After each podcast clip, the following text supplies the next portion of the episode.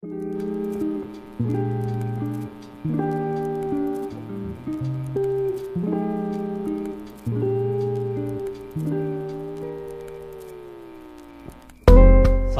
warahmatullahi wabarakatuh. Kembali lagi ke podcast uh, Aceh Documentary. Uh, ini udah lama kita uh, jarang ya tayang uh, podcast Aceh Documentary. Mungkin sibuk syuting dan produksi kita. Dan kali ini kita kembali hadir untuk kawan-kawan terutama bagi penggiat film yang ada di Aceh atau yang ada di seluruh Indonesia. Nah, ini hari ini adalah hari yang malam ya. Malam ini malam yang sangat spesial, terutama bagi kita yang ada di Aceh ini. Sudah hadir bersama kita uh, Pak Ketua Badan Perfilman Indonesia, uh, Pak Gunawan Pangaru. Nah, beliau sudah ada di Aceh beberapa hari ini dan kami akan berbincang terkait buat apa Badan Perfilman ada di Indonesia. Nah, nanti uh, kawan-kawan bisa menonton uh, hasil diskusi dan perbincangan kami dengan Pak Gunawan. Assalamualaikum Pak Gunawan. Waalaikumsalam warahmatullahi wabarakatuh. Apa kabar nih? Alhamdulillah Gimana baik. perasaan yang sampai ke Aceh? Wah senang banget sebetulnya sih senang sekali karena eh, ya kemarin saya juga sampaikan ke teman-teman sekali datang ke Aceh itu nagih, gitu. pengen balik lagi. Ini udah berapa kali ke Aceh? Eh, ini ya beberapa kali lah. Nggak ya. bisa ngitung jari lagi ya? Gitu. Oke. Ini beliau uh, kemarin terpilih sebagai Ketua Badan Perfilman Indonesia yang ke-9 ya, kalau nggak salah ya. Enggak, yang ketiga. oh, yang ketiga, yang ketiga. yang ketiga. Oke, beliau yang ketiga. Hasil kongres uh, kemarin di Jakarta. Nah, uh, ini kalau kita lihat BP ini Badan Perfilman Indonesia. Uh, pemerintah juga punya lembaga negara yang mengurus perfilman. Nah, BPI ini buat apa kemudian hadir uh, di Indonesia? Ya, jadi gini. BP itu di- di- didirikan atas amanat Undang-Undang Nomor 33 ya kan tahun 2009 tentang perfilman Indonesia. Nah, kenapa ada BPI? Sebetulnya di situ ada di dalam undang-undang itu ada ke- penggiat film, ada penggiat film yang non usaha, ada yang usaha. Nah, gitu. Nah, supaya penggiat film ini itu berfungsi dengan baik atau bekerja secara efektif, maka di eh, salah satu pasal maka perlu dibentuk eh, Badan Perfilman Indonesia sebagai integrator daripada penggiat-penggiat film ini. Jadi fungsi daripada BPI itu adalah memang salah satunya adalah dia harus menjadi integrator agar seluruh pemangku perfilman, ya, stakeholders perfilman itu bisa terintegrasi sebetulnya itu kalau diterjemahkan eh, pasalnya seperti itu. Nah itu fungsi BPI meskipun ada fungsi-fungsi lain harus menjalankan memberikan apa namanya eh, penghargaan. Artinya ini ya jadi rumahnya filmmaker lah ya untuk bagaimana mereka berkomunikasi dengan pemerintah mungkin ya. Ya rumahnya penggiat film. Penggiat film ya. Kayak Aceh dokumentari. Nah itu salah satu eh, penggiat film ya eh, yang eh, salah satu penggiat film eh, stakeholders BPI. Gitu kan. Tapi kalau dilihat eh, belakangan perkembangan film terutama kawan-kawan komunitas ya, kemudian kan cukup banyak lahir. ya. Mereka lahir mungkin tidak pernah terpikirkan bahwa akan ada BPI dan tak pernah juga terpikirkan bahwa mereka akan melakukan sesuatu produksi film adalah kemudian mereka akan bergabung dengan BPI. Artinya kemudian bagaimana BPI apa ya menarik anak-anak ini nih Ya, Nah, sehingga dia berperan berfungsi untuk artinya ini anak-anak ini kemudian apakah akan di- di- ditarik menjadi sebuah uh, karakteristik kita pelaku film lewat Ya. BPI ini? ya ini ini sebetulnya kan film itu seksi ya. Ya, uh, Mungkin awalnya ini hobi gitu ya. Tetapi sebetulnya kalau kita sadari lebih dari itu. Sebetulnya ini kan teman-teman penggiat film yang tersebar di seluruh Indonesia ini ada kurang lebih ada 1.500-an itu ya, penggiat film. Kalau menurut kami di BPI melihatnya bahwa ini sebetulnya patriot-patriot film. Oke patriot patriot, patriot film gitu yang di mana inilah penggiat-penggiat film ini yang sebetulnya sangat eh, punya potensi untuk uh, perkembangan industri perfilman kita. Karena itu kan tersebar di seluruh Indonesia kan. Ada di mana-mana dari mulai dari Aceh sampai Papua itu ada penggiat film gitu dan dan ini harus harusnya di, dilihat ya, harusnya hmm. kita lihat bahwa ini adalah potensi. Ini Makanya saya bilang patriot film hmm. ini harusnya yang mengembangkan industri ini. Gitu sebetulnya. Jadi kalau bagaimana BP melihatnya ya itu potensi itu harus dioptimalkan. Tapi menarik juga patriot patriot film dan Pak Pak Gunawan juga sering muncul istilah-istilah aktivis film ya. Yes, ya. Film. Ini Makanya, emang latar belakangnya pernah jadi aktivis dulu? Iya bukan. Artinya gini, kalau kita hanya sekedar bicara bahwa komunitas film, mm -hmm. ya, itu seakan-akan itu semacam ya tempat kongko-kongko saja. Ya, Artinya hobi, yang namanya komunitas gitu kan. Tetapi di bawah sadarnya itu kan sebetulnya sangat berfungsi punya punya apa ya kolabu, uh, kontribusi terhadap industri film di bawah di bawah sadar. Umpamanya Aceh Aceh Aceh Dokumenter itu setiap tahun menyelenggarakan festival menyelenggarakan pemutaran-pemutaran film itu dengan sendiri sebenarnya meningkatkan literasi daripada masyarakat. Ya, dan itu akan melahirkan penonton-penonton yang loyal cinta terhadap produk-produk film uh, kita ya film-film nasional. Dan itu menjadi penonton film. Nah itu kekuatan sebetulnya. Jadi, makanya saya bilang itu patriot harus harus ya kalau lebih aktivis gitu lah. Dia sebagai ak tapi aktivis gitu. kita kan identik dengan ini ya sebuah kelompok yang berjuang untuk uh, militansi militan ya. Nggak identiknya kan orang berjuang untuk orang-orang Ustadz Afin atau orang-orang lemah gitu. Ya. Pemanaan kan bisa luas ya, kan? ya, ya. tapi kebanyakan kita memahaminya ya. seperti itu. Nah, kalau konsepnya misalnya hanya untuk sebatas advokasi, film saya dijadikan ruang advokasi terus bagaimana misalnya mengkoneksikan dengan uh, iklim industri itu tadi? Ya, ya, ya sangat, sangat, dalam sangat. konteks aktivisme ini. Ya. Iya kalau dia di kan akan beda komunitas film, aktivis film, ya. terus melahirkan aktivis film ini melahirkan patriot patriot film, uh -huh. kan gitu kan? Ya kan. Nah kalau sekedar komunitas dia akan berhobi-hobi saja. Hari ini saya senang, besok yang nggak senang ya sudah. Tinggal, ya sudah, akhirnya komunitas nggak ada ini. Tapi kalau di aktivis maka dia punya goals yang jelas artinya dia akan hidup di situ. Ya, ya, ya. Akhirnya nanti bisa jadi profesi ya. ya, ya, ya. Itu kan tingkatannya. Karena di di BPI aja kan ada empat unsur itu. Ada unsur hmm. pendidikan, unsur uh, profesi, ada unsur uh, usaha, terus ada penggiat film. Penggiat film ini kan yang selama ini kita sebutnya sebagai komunitas. Ya, Padahal ya. itu dia penggiat film itu banyak sekali. Bahkan dia harus bisa melakukan banyak juga kegiatan-kegiatan usaha bisa dilakukan. Iya kan?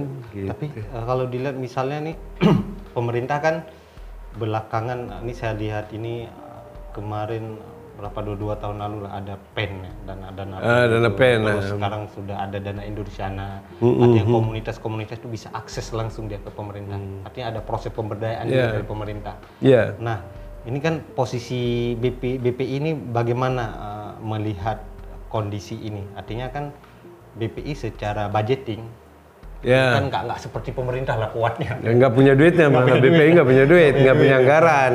Walaupun konsepnya ini sangat bagus untuk kita diikuti. Hmm. Apalagi ini ada apa namanya aktivisme patriot yang kemudian jadi sebuah profesi kan. Ya, ya. Nah, nah kalau Pak Gunawan lihat ini uh, arah yang sedang-sedang dilakukan oleh pemerintah dengan platform dana abadi itu, dana kesenian itu, kita akan menjadi sebuah proses yang akan menjadi filmmaker yang berprofesi atau hanya di tetap bertahan dengan komunitas-komunitas, ya, aktivis, ya, justru itu hmm.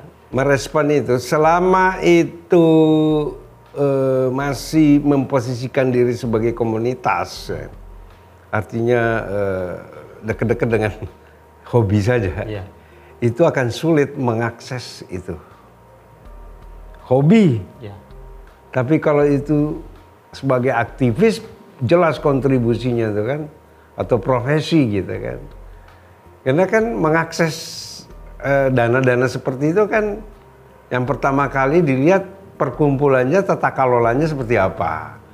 Dia bisa pertanggungjawabkan apa tidak, ya kan ada ada Berarti aturan-aturan. kemudian yang- harus mikir-mikir nih, jangan kalau untuk komunitas jangan dikasih dulu nih bantuannya gitu. Itu pasti, kok ka- bukan artinya kalau Karena kalau komun- dikasih nggak berjalan lagi nanti mereka. Ya, kok- ini hobi. Ya, kalau komunitas itu posisinya memposisikan dirinya sebagai hobi itu pasti berat. Kan sulit. Satu tata kelolanya juga eh, bisa dipertanyakan. Itu ada indikator nggak dari pemerintah ngelihat ini hanya sebatas hobi, ini nggak usah di. Harus ada, harus ada, harus ya. ada, harus Nah, ada. kalau menurut Pak Gunawan yang ngelihat itu, Makanya sekarang kan pertanyaan nih, kalau mau mengakses mengakses dana-dana itu kan harus ada legalitasnya. iya, ya, Kalau udah legalitasnya artinya bukan hobi lagi dong. ya, udah udah mau profesional. dari kan industri, gitu. Itu itu kan persyaratan mengakses eh, bantuan ya dana-dana eh, stimulan-stimulan kayak PEN kemarin, terus kemudian dana Indonesiana, terus LPDP itu kan eh, persyaratannya harus Tapi ada kalau kita di legalitas. Indonesia kan itu bisa aja jadi normatif. Artinya siapa aja bisa buat legalitas itu. gitu. Ya, ya itu dari sisi administratif ya. Ya, administratif Sisi administratif itu harus dilengkapi. Mungkin Tapi harus ada proses evaluasi mungkin. ya. Ah, nah itu harusnya memang ada ada evaluasi lagi setelah me- ke- mendapatkan dana ini kegiatannya seperti apa, terus kontribusinya sesuai dengan apa yang kita harapkan apa tidak gitu. Karena saya ngelihat nih Mbak, eh, komunitas ini kan dia hadir karena keterbatasan ya. Dia nggak punya alat, terus mereka ngumpul, terus saling Ya. pinjam meminjam lah. Ya. Gitu. Artinya mereka bukan problem, lahirnya emang nggak ada problem dia. Ya nggak ada problem karena hobi, hobi itu biasanya tidak ada problem. Karena ngatasin itu. Selama hobi itu hobi itu nggak ada problem. Iya nggak ada. ya lagi senang ya kerjain ya gitu ya. enggak apa. Tapi kalau itu dijadikan profesi, dijadikan satu tujuan yang itu pasti artinya makanya saya lebih senang sekarang menyebutnya penggiat film atau aktivis film. Ini ada perbedaan kan penggiat sama aktivis. Ya ya kalau menurut saya sih Ada kelas-kelas mungkin. ya tinggal lagi eh, ininya aja itu kan persoalan konotasinya aja kan. Iya, iya. Mungkin ini Tapi kalau apa namanya si aktivis ini masih tataran film jadikan sebagai media advokasi, kemudian jadi patriot, kemudian endingnya adalah ya dia profesi. aktivis ya profesi ya Alurnya mungkin gitu ya, proses iya. perkembangannya ya. Ya, tetapi ya, yang jelas bahwa itu tidak hanya eh, apa yang dia lakukan itu tidak hanya sekedar hobi itu yang paling penting. Karena pada saat itu yang dilakukan itu hanya sekedar hobi, ya itu mm, yang nggak akan nggak akan bergerak gitu. Nah ini kita akan jalan ke mana nih, maksudnya uh, film di Indonesia ya, dengan adanya uh, apa namanya berbagai macam program pemerintah, terutama dari PI sendiri. Ini Oke. kita kita goalnya ini mau ke mana nih? Apakah kita akan selalu berkutat bahwa kita belum menemukan karakter kita, Ya. belum menemukan penonton yang suka dengan film gaya kita? Ya. Ya problem kita sebetulnya satu. Negara belum punya eh, master plan. Oke, master plan tentang film ini mau diapakan. Itu bahkan saya juga masih curiga gitu bahwa negara belum punya belum tahu tujuan film yang sebenarnya itu apa perfilman ini. Nah itu sebabnya kenapa kita mencoba di BPI karena apa pun namanya BPI ini memang adalah tugasnya adalah bagaimana mengembangkan perfilman Indonesia, perfilman nasional kita, bagaimana menumbuh kembangkan ya eh, apa eh, mengoptimalkan potensi-potensi yang kita miliki yang sekarang eh, di seluruh Indonesia bergiat gitu ya perfilm apa teman-teman itu melakukan kegiatan-kegiatan perfilm itu dengan dengan sangat militan menurut saya ya teman-teman eh, kalau nggak militan nggak mungkin bi- bisa kemarin bikin Aceh Film Karena Festival masih itu ada ini, walaupun uh, 30% hobinya. ya itu dia Hobi itu nggak boleh hilang juga. ya jadi gini itu persoalannya bukan hobi nggak hilang passion kita di situ nggak Passionnya. itu yang penting Berarti sudah ini, haruhnya udah dapat. ya passion kita di situ apa enggak gitu kalau passion kita di situ itu biasanya nggak akan berhenti gitu ya kan tapi kalau hobi aja bisa hobi itu bisa pindah Seperti kalau dalam Saya- kalau dalam agama itu ada makam-makam. Iya, hari ini saya hobi mancing, besok saya bisa hobinya beda. Ya, ya, ya, ya. Nah, tergantung yang narik juga kan. Tapi kalau passion kita di situ, itu biasanya itu. Tapi tadi saya mau ngomongin soal master, plan. ya. Itu yang paling penting sebetulnya. Bahwa kita belum punya eh, arah perfilman kita tuh mau ke mana. Sehingga potensi-potensi yang tadinya penggiat-penggiat film ini yang harusnya didorong menjadi patriot-patriot film sehingga ini bisa mengembangkan industri ini itu tidak bisa di apa tidak bisa dilakukan. Eh capaiannya jadi nggak dapet gitu loh. Gitu. Nah ini penting sebetulnya penting banget gitu Em, makanya perlu ada ada namanya rancangan induk perfilman ya rancangan induk perfilman nasional Itu kita tuh yang mau digagas atau masih Ya itu harus harus ada supaya kita tahu jangka pan- pendek apa yang harus kita capai, jangka panjang yang harus kita capai gitu. Umpamanya 10 tahun ke depan seperti apa sih harapan kita industri ini? Berarti kita Gitu. ini BPI juga harus masuk mengawal sampai gini ya. RPJP ya. Oh iya iya iya iya iya ya, kan itu turunannya kan, Ah. turunan dari eh, RIPN ya.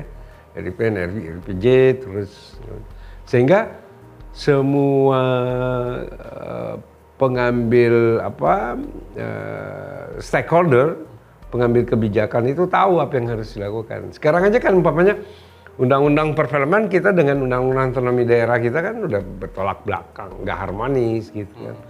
Nah dengan adanya itu kan ini bisa lebih dan saya pikir banyak eh, pemerintah daerah yang ingin juga mengembangkan perfilman nasional, tetapi kan eh, cantolannya nggak punya. Tapi kalau dilihat misalnya ini eh, apa yang dilakukan oleh pemerintah hari ini kan dengan lewat dana Indonesia artinya pemerintah pusat ini kan udah punya saya rasa punya lah setidaknya. Kalau enggak ngapain ada dana abadi? Itu akan dibawa ke mana sampai tahun kapan? Setidaknya punya lah Tuh. Dana abadi itu untuk kebudayaan, nggak bukan Iya, untuk film. salah satunya kan film Ya, Ada bagian. unsur film bagian Ya, tapi di di undang-undang undang-undang pemajuan kebudayaan nggak ada menyebut film. oh itu nggak ada sama Nggak sekali ada sama sekali. Satu pasal pun tidak ada. Satu ayat pun tidak ada menyebut tentang film. Jadi boleh ya boleh tidak dong. Nah, Kalau ataupun tiba-tiba dana dana abadi kebudayaan itu ada sedikit di di apa di distribusikan ke penggiat film, ya itu berarti film eh, bukan ini ya sesuai masih sama dengan eh, seni-seni lain ya.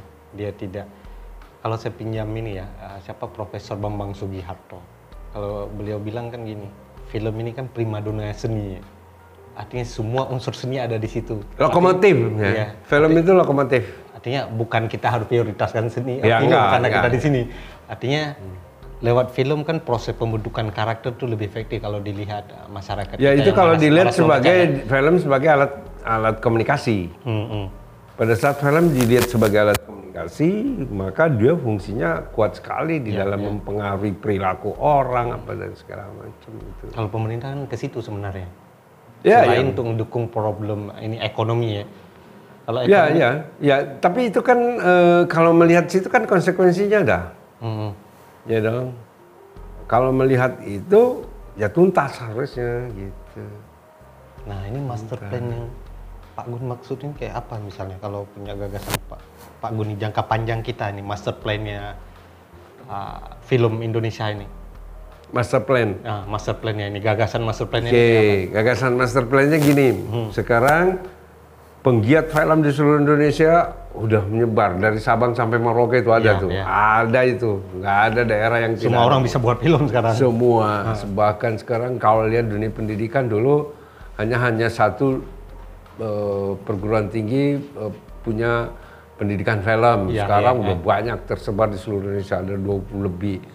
SMK dulu nggak ada jurusan film, adanya broadcast, adanya komuni apa multimedia. Sekarang ada khusus jurusan film. Itu dari sisi pendidikan. Kursus di mana-mana tentang perfilman banyak sekali menyebar gitu. Kemudian dulu asosiasi profesi hanya ada satu, namanya KFT. Sekarang banyak, ada 17. Gitu ya.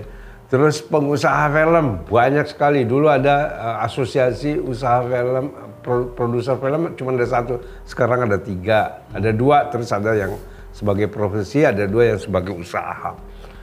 Penggiat film seluruh Indonesia ada 1.500 lebih, banyak banget kan. Nah ini kan yang harus di eh, potensi-potensi ini yang harus di, di apa Dirawat. eh, dirawat untuk mengembangkan perfilman nasional kita. Karena penonton kan nggak hanya di salah satu tempat, penonton kan tersebar di seluruh Indonesia gitu. Berarti Iya, pros- kan? prosesnya itu harus ini ya. Ke mana berarti kalau kita menyuarain ke ke legislatif lah ya. Itu itu hal itu udah udah pernah Ya undang-undangnya, undang-undang perfilman itu harus dirubah karena undang-undang itu tidak lagi relevan dengan perkembangan sekarang bahwa banyak sekali eh, harus diperbaiki gitu ya. dan memang itu lagi sedang kita usahakan untuk bagaimana undang-undang banyak undang-undang ada 38 perundang-undangan yang yang lagi sedang kita analisa sekarang yang terkait dengan perfilman yang tidak harmonis dan bahkan ada sebetulnya beberapa undang-undang yang harusnya kita gunakan. Kayak undang-undang persaingan usaha. Mhm. itu kan ada. Itu cukup bagus. Bisa dipakai itu untuk undang-undang undang persaingan usaha. Ada undang-undang pornografi. Ya kan? Yang sekarang kemarin rame soal eh, apa kekerasan seksual gitu kan. Ada undang-undangnya. Terus apa lagi? Undang-undang ketenaga kerjaan ya kan tentang bagaimana Omnibus Law. Nah, yang yang bermasalah kan di sekarang, ini kalau kita ngomongin industri perfilman kita, belum ada yang mengatur hubungan industrial. Sampai sekarang belum. Sampai sekarang nggak ada. Terus bagaimana belakangan di jalan-jalan Nah, ini dia makanya di industri perfilman kita kan sulit sekali untuk dapatkan jaminan sosial, mana ada. Mengakses asuransi mana bisa. BPJS ya susah di Padahal pajak dari film lumayan gede lah ya. Oh gede, justru itu makanya kalau negara ini memang berpihak Serius- serius tahu lah. persis serius mau mengurusi film dengan tujuannya adalah mensejahterakan masyarakat baik spiritual, eh, material, sosial, maka industri ini sebetulnya kita bisa bangun melalui pajak tontonan. Mungkin ini pemerintah Gitu. kita itu suka buat film tapi nggak suka uang film mungkin. Justru justru sebetulnya filmnya gitu. justru potensi potensi industri ini cukup besar gitu ya sekarang kita market share kita aja udah 61 persen udah di atas film film import gitu kan nah kalau itu peluang besar ya. kalau itu kita optimalkan kita dorong masyarakat film seluruh Indonesia yang bergiat film ini untuk terus mempertahankan penonton itu ya bahkan kalau bisa me- apa me- mendorong menambah lagi potensi penonton itu ya itu cukup menjanjikan untuk eh, kontribusi eh, perfilman kita untuk PDB gitu sebetulnya. Nah, ini kalau bicara industri kan kawan-kawan komunitas ini kayaknya akan mundur nih berbicara industri. Artinya kesiapan ya, kesiapan mental, terus alat produksi segala macam. Ini kondisi komunitas kita yang ada di daerah-daerah. Hmm. Nah, untuk bersaing dengan industri-industri besar yang ada di Jakarta atau beberapa Oke. provinsi lah. Nah, secara Ya itu makanya tadi kan ya. saya saya, saya mencoba mem- memberikan ada kamar, Ya. ada kamar pendidikan, ada kamar eh, profesi ya. profesi ya. Ya, ada kamar usaha, ada kamar penggiat film. Nah, teman-teman ini kan ada di penggiat film yang tadi yang dimaksud kan. Bukan berarti nggak kenapa mesti ngeper. Itu justru punya fungsi yang cukup besar dibanding yang lain gitu lah. Oke. Ya kan, kalau teman-teman ini terus bergiat nggak perlu mikir soal alat apa segala macam. Kegiatannya terus saja di- dilakukan eh, dengan terukur, bagaimana meningkatkan penonton-penonton, menambah penonton-penonton yang loyal melalui kegiatan-kegiatannya. Itu kontribusinya cukup besar terhadap industri. Gitu. Dan itu kekuatan di dalam diri kita. Nah, kalau bicara tentang bagaimana kita bisa berdaulat lewat ini penggiat-penggiat film ini kita bisa berdaulat. Yang akan mendistribusikan penonton. iya, kita bisa menentukan nasib diri kita sendiri. Kalau yang sekarang ini kan nggak bisa. Jadi kalau ada kita 300 juta lebih ini 100 juta kita udah Ya nggak nggak usah 100 nggak usah kali ini 50 juta aja itu atau do nah sekarang kalau mau hitung hitungan Ya. ekonominya kan gampang banget eh, kita bisa bina, tahu nggak 10 juta penonton aja kita punya penonton. 10 juta 10 aja. juta penonton yang loyal. Kali 40 ribu. Nah, 50 ribu. Artinya ada berapa? Berapa miliar di situ? Itu udah puluhan miliar. Ya, gitu. Artinya, nah tinggal dan kita akhirnya juga akan meningkatkan kualitas produksi karena kita berani membiayai produksi itu lebih mahal dari lebih eh, lebih mahal dari yang ada sekarang gitu. Kalau sekarang biaya produksi itu kita menganggap 2, 10 miliar itu udah wah mahal banget tuh. Itu kalau udah punya penonton 10 juta ya berani lah. Itu kok bisa tuh dari berapa? Sekarang kita 60 persen ya. 61. 61 artinya hampir berapa ya? 100 persen naik ya. Ya. Kalah. Ya itu banyak impor. banyak variabel ya. Variabel ya. banyak variabel, ada kemungkinan karena memang film impor juga nggak ada yang sedang lagi tidak ada yang bagus, makanya kita tunggu nih. Ntar lagi, ini kan film impor banyak yang masuk nih, Ini udah mulai yang bagus-bagus nih. Nah, itu mempengaruhi tidak? Nah, kita kuat nggak gitu. Nah, sebetulnya ini peluang buat kita untuk belajar gitu loh. Berarti selama ini penonton kita nggak ada pilihan lain, nggak juga ya? Bisa jadi, Bisa bisa jadi, jadi, ya. bisa jadi, setelah pandemi, Hmm? ya kan, yang ada di bioskop itu hanya film Indonesia, ya kan, terus film import sedikit, sehingga kita menguasai pasar kan gitu, bisa saja. Nah ini makanya perlu kita analisa lagi. Kalau itu memang terjadi, maka kita harus punya strategi untuk bisa mempertahankan itu. Nah, problem di kita apa tuh yang kemudian misalnya orang lebih banyak suka film impor lah, misalnya sebelum ini ya, Hmm. sebelum pandemi kan banyak impor nih. Artinya kan nggak suka film kita. Ada ada problem berarti di proses di kita ini. Kualitas filmnya kah? Bukan, Story, itu persoalan literasi sih sebetulnya. Literasi, oke. Kalau kita lihat kualitas teknis ya, Hmm, udah selesai lah. kita ah, Kalau kualitas teknis udah selesai kita. ya udah bisa bersaing lah gitu ya. Nah, itu harus di ada ada kajian lah gitu untuk mencoba melihat. Makanya sebetulnya momentum setelah pandemi ini tiba-tiba kita melejit 61 persen gitu. Ini apa yang terjadi? Kenapa gitu? Ya kan variabel-variabel yang mana yang sangat mendominasi keberhasilan itu? Sementara ini karena pandemi aja dulu ya. Eh, ya Variabel, satu sebenarnya ada variabel. variabelnya mungkin karena memang kalau kita lihat film luar itu sedikit ya. Hmm. tapi bukan tidak ada ada beberapa juga film luar yang tadinya dijagokan ternyata nggak sukses juga film luar ada gitu. tapi itu kan perlu ada kajian dan itu momentum yang menurut saya harus di- betul-betul dilakukan dilakukan kajian sehingga oh ternyata kita mencapai 61% itu karena ini. Nah, itu yang harus kita perkuat gitu. Atau kalau kita melihat bioskop, jangan-jangan di OTT justru film luar negeri yang Ya, OTT laku. kasusnya Itu beda, beda lagi lagi ya. Ada karena itu punya penonton yang berbeda. Iya, iya, iya. Ya, Itu karakter penontonnya beda sekali. artinya kan ini udah lari ke OTT karena pandemi itu tadi. Kalau dulu ya, kalau tapi bioskop kan jadi beda. nah, itu nggak bisa menjadi satu Hmm. eh, apa namanya? Karena itu punya karakter yang berbeda. Hmm. Oh, Ya, penonton penonton di handphone, Hmm. di laptop, sama nonton dengan layar lebar kan berbeda sekali. Ya, Kan punya pengalaman experience-nya kan beda. Gitu. Artinya dengan banyak-banyak platform kan bisa mempengaruhi juga orang Ya ada mungkin dulu juga pernah kan kecurigaan kita, wah bioskop mati nih gara-gara TV nggak juga. Enggak juga ternyata lebih banyak malah juga. Kita lebih untung mungkin. Wah iya, dulu kan orang curiganya gitu, bioskop mati nih. Ya, lama-lama orang bosan juga Ternyata nggak juga. Sekarang orang oh TV pada bermunculan, bioskop mati. Ya kita nggak tahu juga, belum tentu. Nah, karena punya punya punya karakter yang berbeda. Nah kondisi kayak ini kan peluang besar nih. Artinya ini kalau nggak dirawat bisa saja 60% ini akan Itu turun lagi. persoalannya, itu yang harus kita cari.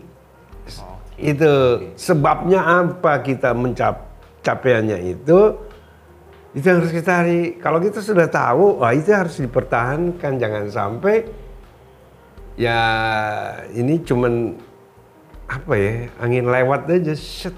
Tapi kan kalau regulasi kita kan fair lah. Artinya walaupun film impor, film lokal kan fair ya proses persaingannya ya. Ya itu Secara itu kan aturan main. masuk ke persaingan usaha memang nggak bisa di Artinya secara distribusinya juga nggak mengganggu satu sama lain. ya. Artinya ini kembali ya, kepada si pemilih kan si penonton ya ya. sebetulnya kalau menurut saya nih, saya nggak tahu. Kalau di dalam undang-undang kita sekarang kan masih ada proteksi sebetulnya. Oke. Ya.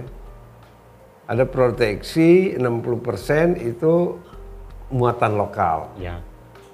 Itu ada untung, ada ruginya. Gitu. Di saat kita masih belum sanggup, ya, itu ada ruginya. Karena tiba-tiba kita menuntut sesuatu di mana kualitas dan kemampuan bersaingnya sedikit, karena diprotek akhirnya dipaksa untuk akhirnya kita manja, nggak bisa meningkatkan jadinya, ya. kualitas. Nah kalau tapi kalau itu dilepas ya bersaing aja kita akhirnya kan terus beda. Sama seperti gini, saya, saya mengam- mengambil analog gini. Em, banyak keluarga yang mengajarkan anaknya itu berenang itu langsung dikasih persoalan, langsung dicemplungin aja, sehingga dia bisa Studi- survive. Studi kasus, studi kasus itu. Iya kan? Suruh pecahin sebuah masalah itu. Ah, langsung dia bisa mencari jalan bagaimana dia bisa survive. Tapi sampai sekarang kan di Indonesia ini masih terkenal horor. Oh, iya, iya. itu kan juga suka, suka, suka kayak gitu mungkin masyarakat ya, kita. ya. tapi itu kan pada umumnya kan kita selalu begitu. Mana yang lagi sedang ngetren ya kan, ah, kita ngikut, itu kan begitu. Kan kalau dilihat Indonesia ini kan cukup beragam dari Sabang sampai Merauke. Bisa nggak film ini menjadi sebuah jembatan untuk mempererat keakraban apa ya kekeluargaan Oke. kita Indonesia ini nih lewat film nih. Oke, saya sampaikan. Pak Marjono itu selalu ini saya sampaikan, selalu di mana-mana saya sampaikan. Kalau bicara itu kan persoalan wawasan Nusantara. Iya, iya. Oke. Kalau mau bicara wawasan Nusantara itu lewat film itu dahsyat. Nah, kalau mau bicara wawasan Nusantara lewat film, maka yang tadi itu penggiat-penggiat film ini yang harus di, di- diberdayakan. Iya kan? Tapi lewat master plan itu tadi kalau nggak ada Ya master plan nggak harus ada juga. master plan sehingga Ah, oke, eh, baik eh, bagaimana menumbuh kembangkan masyarakat penggiat film ini karena kan harus terus em, apa terus berkegiatan kan. Nah untuk terus berkegiatan kan perlu ada pelurunya kan. Berarti ini Gitu. tiap provinsi itu harus kirim filmnya masing-masing kan? Ya Luar bisa macam-macam tergantung tergantung eh, Ya kemampuan. kemampuan masing-masing karena setiap daerah itu punya karakter yang berbeda-beda. Ada yang mungkin masyarakatnya penggiat filmnya karakternya dia betul-betul eh, ini terhadap film-film dokumenter. Ada juga mungkin fiksi atau apa segala macam. Punya kekuatan yang berbeda-beda. Berarti kalau mengarahkan ke Tergantung literasinya ya. kalau kita arahin misalnya lewat film untuk menciptakan persatuan dan kesatuan ini kayaknya lebih efektif masa Loh, Soeharto. sangat, ya. Masa sangat. Soeharto lah ya. Oh iya iya iya iya. Kalau Karena karena karena masa itu kan urus. dia paham betul fungsi film. Fungsi film itu adalah alat komunikasi yang kita sering kali menerjemahkan eh, secara ini bahwa itu alat propaganda. Hmm. Ya namanya alat komunikasi dia menjadi alat propaganda. Jadi apa pun alat. Ya makanya ada film iklan itu kan propaganda. Iklannya propaganda agar kita mau beli barang itu kan. Itu film difungsikan sebagai itu dan itu bagus bagus negara harusnya memang paham itu mengerti itu. Padahal tuh bisa dua ya, sambil nyelam minum air, bisa menciptakan uh, konsep nasionalisme, yang kedua industri ekonomi berputar deh. Ya ya dapat dari Dua-dua, sisi kan? ekonomi. Tadi itu kontribusi terhadap PDB cukup besar. Ya. Kalau selama ini yang dihitung hanya bioskop, nah kan harusnya dihitung TV, OTT, ya kan? Itu kan penghasil pajak semua itu.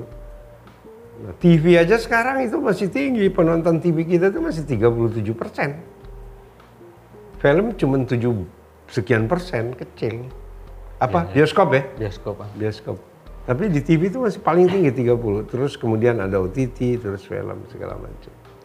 Nah, eh, kalau ini harapan Pak Gunawan terhadap komunitas ya, sebenarnya bukan hanya di Aceh, ya seluruh Ya, seluruh Indonesia, seluruh oke. Indonesia harapannya nih melihat kan saya lihat Pak Gunawan ini punya pandangan ini ya sangat positif ya, artinya sangat yakin bahwa lewat komunitas ini kita Ya. akan lahir banyak penonton lah gitu. Satu, komunit penggiat film ya, Penggiat film, komunitas ya, oke, ini harus sadar betul bahwa dia punya kontribusi terhadap perkembangan industri film kita. Kontribusinya dia bisa melahirkan menciptakan penonton-penonton loyal.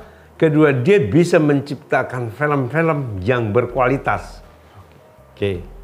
Ya kan? Artinya yang memiliki eh, nilai-nilai budaya ya, local wisdomnya itu karena dia yang paling tahu kan daerahnya. Itu. Terus kemudian di sini juga bisa tercipta sumber daya manusia perfilman kita yang memiliki karakter.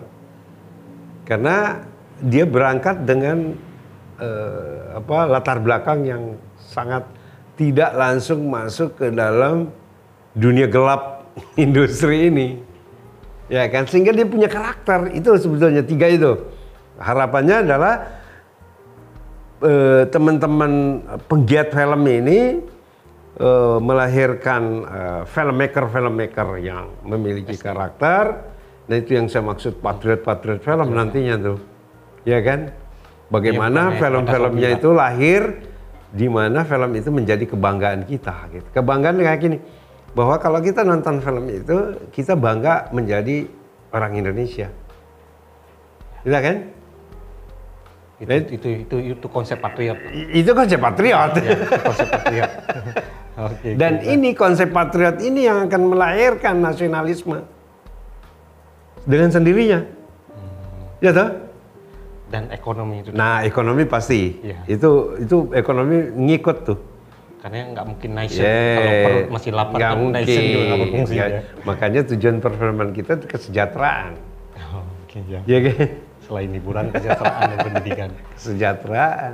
Itu harus dipahami oleh negara sehingga eh, membangun perfilman kita ini betul-betul harus eh, apa yang, yang sekarang yang terjadi kan kita katanya membangun industri ini per- itu semuanya sporadis nggak ada nggak bisa nggak terukur Kalau bahasa kasarnya buset loh. Bu- nggak nggak terukur nggak bisa mengukurnya keberhasilannya di mana nggak bisa mengukur Oke oke. gitu. Saya berani taruhan itu. Siapa yang bisa mengukur keberhasilan perfilman kita sekarang? Ini akibat dari apa? usaha siapa? Nggak ada. Karena nggak ada riset. nggak ada perencanaan. Orang gimana mau mengukur? Tahu mau ke mana aja tidak? Nggak ada standar, nggak tahu. lo nggak mau tahu bagaimana mengukur saya berhasil? Oh Karena tujuannya belum tahu gitu loh. Itu itu logika yang sangat Ya, ya, ya. sederhana gitu. Sehingga perlu ada ada goalsnya ini mau ke mana nih kita nih tahun sekian harus capaiannya apa itu harus sehingga kita mengevaluasinya juga mengukurnya jelas Artinya PDI harus menyampaikan itu ke pemerintah. Ya minimal gagasan BPI itu. maksudnya? Ah, BPI. Ya Selaku sudah, rumah sudah. rumah. Ya ya. anak-anak itu memang eh, apa pun ya itu tugas kita untuk untuk bagaimana membanggakan film, caranya bagaimana berdasarkan apa yang kita lihat. Seperti saya ke Aceh gitu kan ngobrol sama teman-teman, tahu kan persoalan Oh persoalannya ini, oh persoalannya ini, oh ini yang, yang harus dilakukan nah, sebaiknya begini kalau persoalan. Karena setiap daerah itu pasti beda-beda. Meskipun secara umum ada, ya. secara eh, umum persamaan ada, tetapi karena eh, punya karakter yang berbeda-beda, mensikapinya ya pasti juga eh, ininya berbeda ya. Treatmentnya berbeda, gitu. Tapi insya Allah lah kalau dilihat dari prosesnya Hmm. sekarang udah kelihatan kita bakalan menemuin tujuan. Mudah-mudahan, Mudah-mudahan ya. mudah-mudahan. Oke, terima kasih banyak Pak Gunawan Siap. sudah hadir bersama kita. Uh, Oke, kawan-kawan semua, inilah uh, diskusi kita dengan Ketua Badan Perfilman Indonesia. Kita harus tahu semua bahwa film kalau kita di Aceh jika nyawang Mbak Ujung oh, maka kita akan terempak sebuah film. Film bukan hanya sebatas hiburan, tapi juga dia punya spiritual di dalamnya dan juga ekonomi untuk kita bisa bertahan hidup di alam dunia ini. Oke, assalamualaikum warahmatullahi wabarakatuh. Waalaikumsalam.